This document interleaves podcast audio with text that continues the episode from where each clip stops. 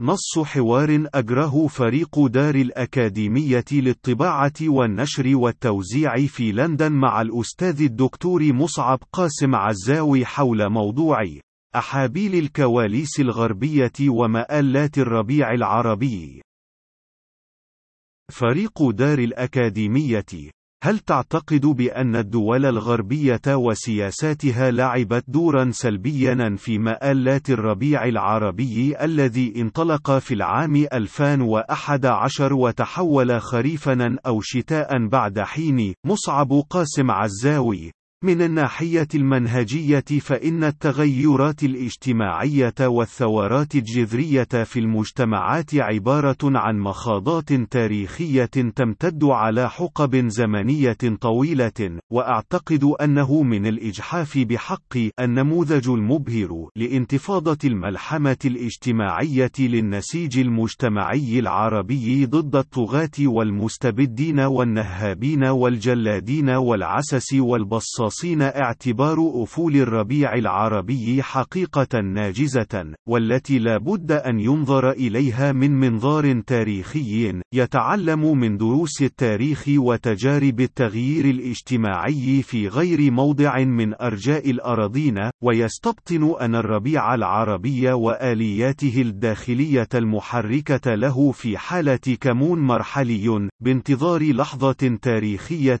قادحة لزناد الحراك الاجتماعي الجلمودي كما كان في تضحية شهيد الإفقار والتهميش محمد البوعزيزي أو غيره من عديد السيناريوهات المحتملة لذلك والتي تبقى آفاقها مفتوحة على النقوص والاشتداد والكمون كما هو الحال في أي حراك مجتمعي ينطوي على عدد مهول من المتغيرات التي تلعب أدوارا متفاوتة في الحجم والتأثير في تكوين ذلك الحراك مما يجعل التنبؤ بمآلاته ضربا من التنجيم الذي لا بد من اعتبار عرافيه بمثابة كذابين من الناحية المنهجية كحد أدنى حتى لو صدقوا وإلى حين. أما من ناحية دور المجتمعات الغربية وسياساتها في مآلات الربيع العربي الراهنة لا أعتقد بأن هناك اختلافا محتملا بين أي عاقلين على الدور السلبي الذي لعبه أولئك مجتمعين في جوقة تبادلوا فيها الأدوار المسرحية لإنتاج فعل كان يتجه دائما بكل عنفوانه في اتجاه معاكس لرغبات وإرادة الشعوب العربية المقهورة في تأصيل الديمقراطية والحرية والعدالة الاجتماعية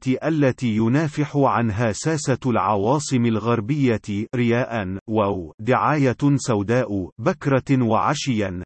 والسبب المضمر في سلوك أولئك الساسة المرائين نابع من دورهم الوظيفي المناط بهم للحفاظ على مفاعيل هيمنة مجتمعات الأقوياء الأثرياء على حطام مجتمعات المفقرين المنهوبين على المستوى الكوني، والذي يعني بشكل عياني مشخص رهابهم المتأصل من كل ما قد يرتبط بإقلاق استقرار المستنقع المتعفن الراكب الراكد في أي بقعة من أرجاء الأراضين، وأعني هنا بالتحديد نموذج المجتمعات التي يسيطر فيها ويشرئب الاستبداد والمستبدون، حيث أن الاستبداد ونواطيره من الطغاة والمستبدين خير من يقوم ويسهر على حماية مصالح الشركات العابرة للقارات، مالكة مفاتيح الحل والعقد الفعليين في مجتمعات الأقوياء الأثرياء الصناعي الطبيعية في الغرب عبر تأمين استمرار حصولها على الثروات الطبيعية من مجتمعات الاستبداد بشكل شبه مجاني وضمان تحقق شفطها البربري لقوة عمل رخيصة بشكل لا يكاد يفترق عن العبودية بالأصفاد شيئا من نفس تلك المجتمعات بقوة الحديد والنار الكامنة في يد الطغاة والمستبدين والحفاظ على ديمومة انفتاح أسواق تلك المجتمعات نفسها على مصاريعها وأعنتها دون قيد أو شرط لتصريف نتاج المجتمعات الصناعية وشركاتها العابرة للقارات نفسها في حلقة شيطانية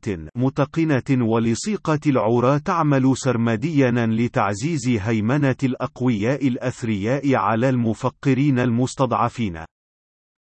وبالتالي فإن أي حراك اجتماعي يحتمل أن يقود في المآل الأخير إلى كسر تلك الحلقة الشيطانية للهيمنة والاستبداد لابد من وأده في مهده والتعامل معه على أنه أزمة لابد من إدارتها وفق نفس منهج الرياء السياسي والمعرفي والخطابي في الغرب وشروط اللعبة السياسية للديمقراطيات الشكلية في فيها وضروراتها الإخراجية التزويقية من قبيل شعارات الديمقراطية وحقوق الإنسان وغيرها من الشعارات التي لا تعني شيئا في القاموس السياسي الغربي يتجاوز بعدها اللفظي الرنان وفي نهاية المطاف فإن مهمة الربيع العربي المهولة في مواجهة المستبدين الذين لا يتورعون عن استخدام كل أشكال التدمير والإفناء وال والقتل بأشكاله الأمني والحربي والعسكري وصولا لاستخدام سلاح الإبادة الجماعية أو التطهير لفئة من المجتمع بأكملها مثل السبب الموضوعي في حالة الكمون حين قد لا تنفع الحركة للجسد الاجتماعي للربيع العربي راهنا. إذ أن الحقيقة المرة هي أن العين مهما كان منظارها أخلاقيا ومحقا يستحيل عليها مقاومة المخرز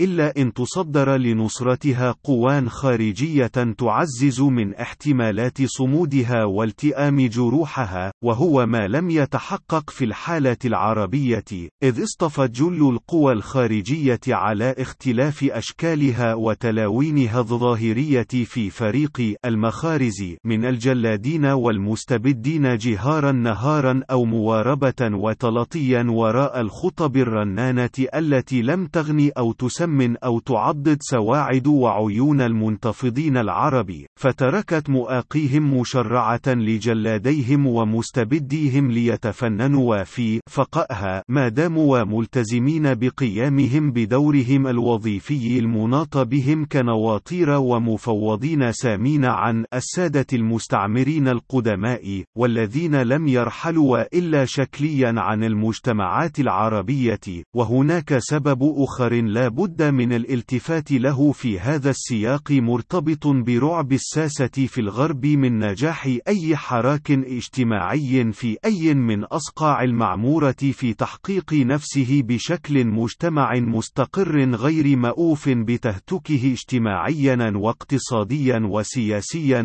وباقتتال أبنائه فيما بينهم وهو ما قد يحدث عدوى الطموح للتغيير في المجتمعات الغربية نفسها التي لا يستطيع المتحكمون بها استخدام الدبابات والطيارات وأسلحة الإبادة الجماعية كما يفعل مستبد المجتمعات المفقرة المنهوبة برعيتهم وذلك لتنافيه مع شروط اللعبة الديمقراطية الشكلية في الغرب وهو ما قد يجعل من أي حراك اجتماعي على نهج الربيع العربي و مسيراته السلمية المليونية كابوسا لا يطيق تحمله أي من أصحاب الحل والعقد في العواصم الغربية والذي لا بد من إعمال كل مباضع الخبث السياسي من وراء الكواليس لحرفه عن مساره الطبيعي وضمان تعثره وكبوته وتحوله فريسة سهلة لكل الغازيات الانتهازية وخاصة تلك المتطرفة منها والتي لدى الساسة في الغرب خبرات واسعة في آلية تصنيعها وغسيل أدمغتها وإدارتها وتمويلها وتشغيلها واحتضانها كما كان الحال في التجربة الفائقة لتصنيع المجاهدين الأفغان في ثمانينيات القرن المنصرم للجهاد ضد الغزاة السوفيت وما سبقهم وتلاهم من تنويعات دميمة على نفس المقام الشيطاني، والتي لا تنقطع حتى اللحظة الراهنة في غير موضع جغرافي على الخارطة الكونية.